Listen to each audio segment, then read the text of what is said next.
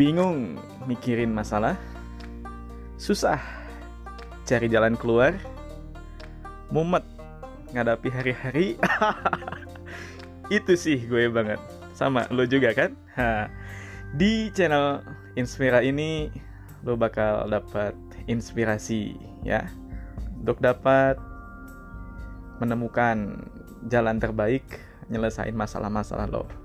Co, pantengin terus channel podcast Inspira Bimbingan Konseling.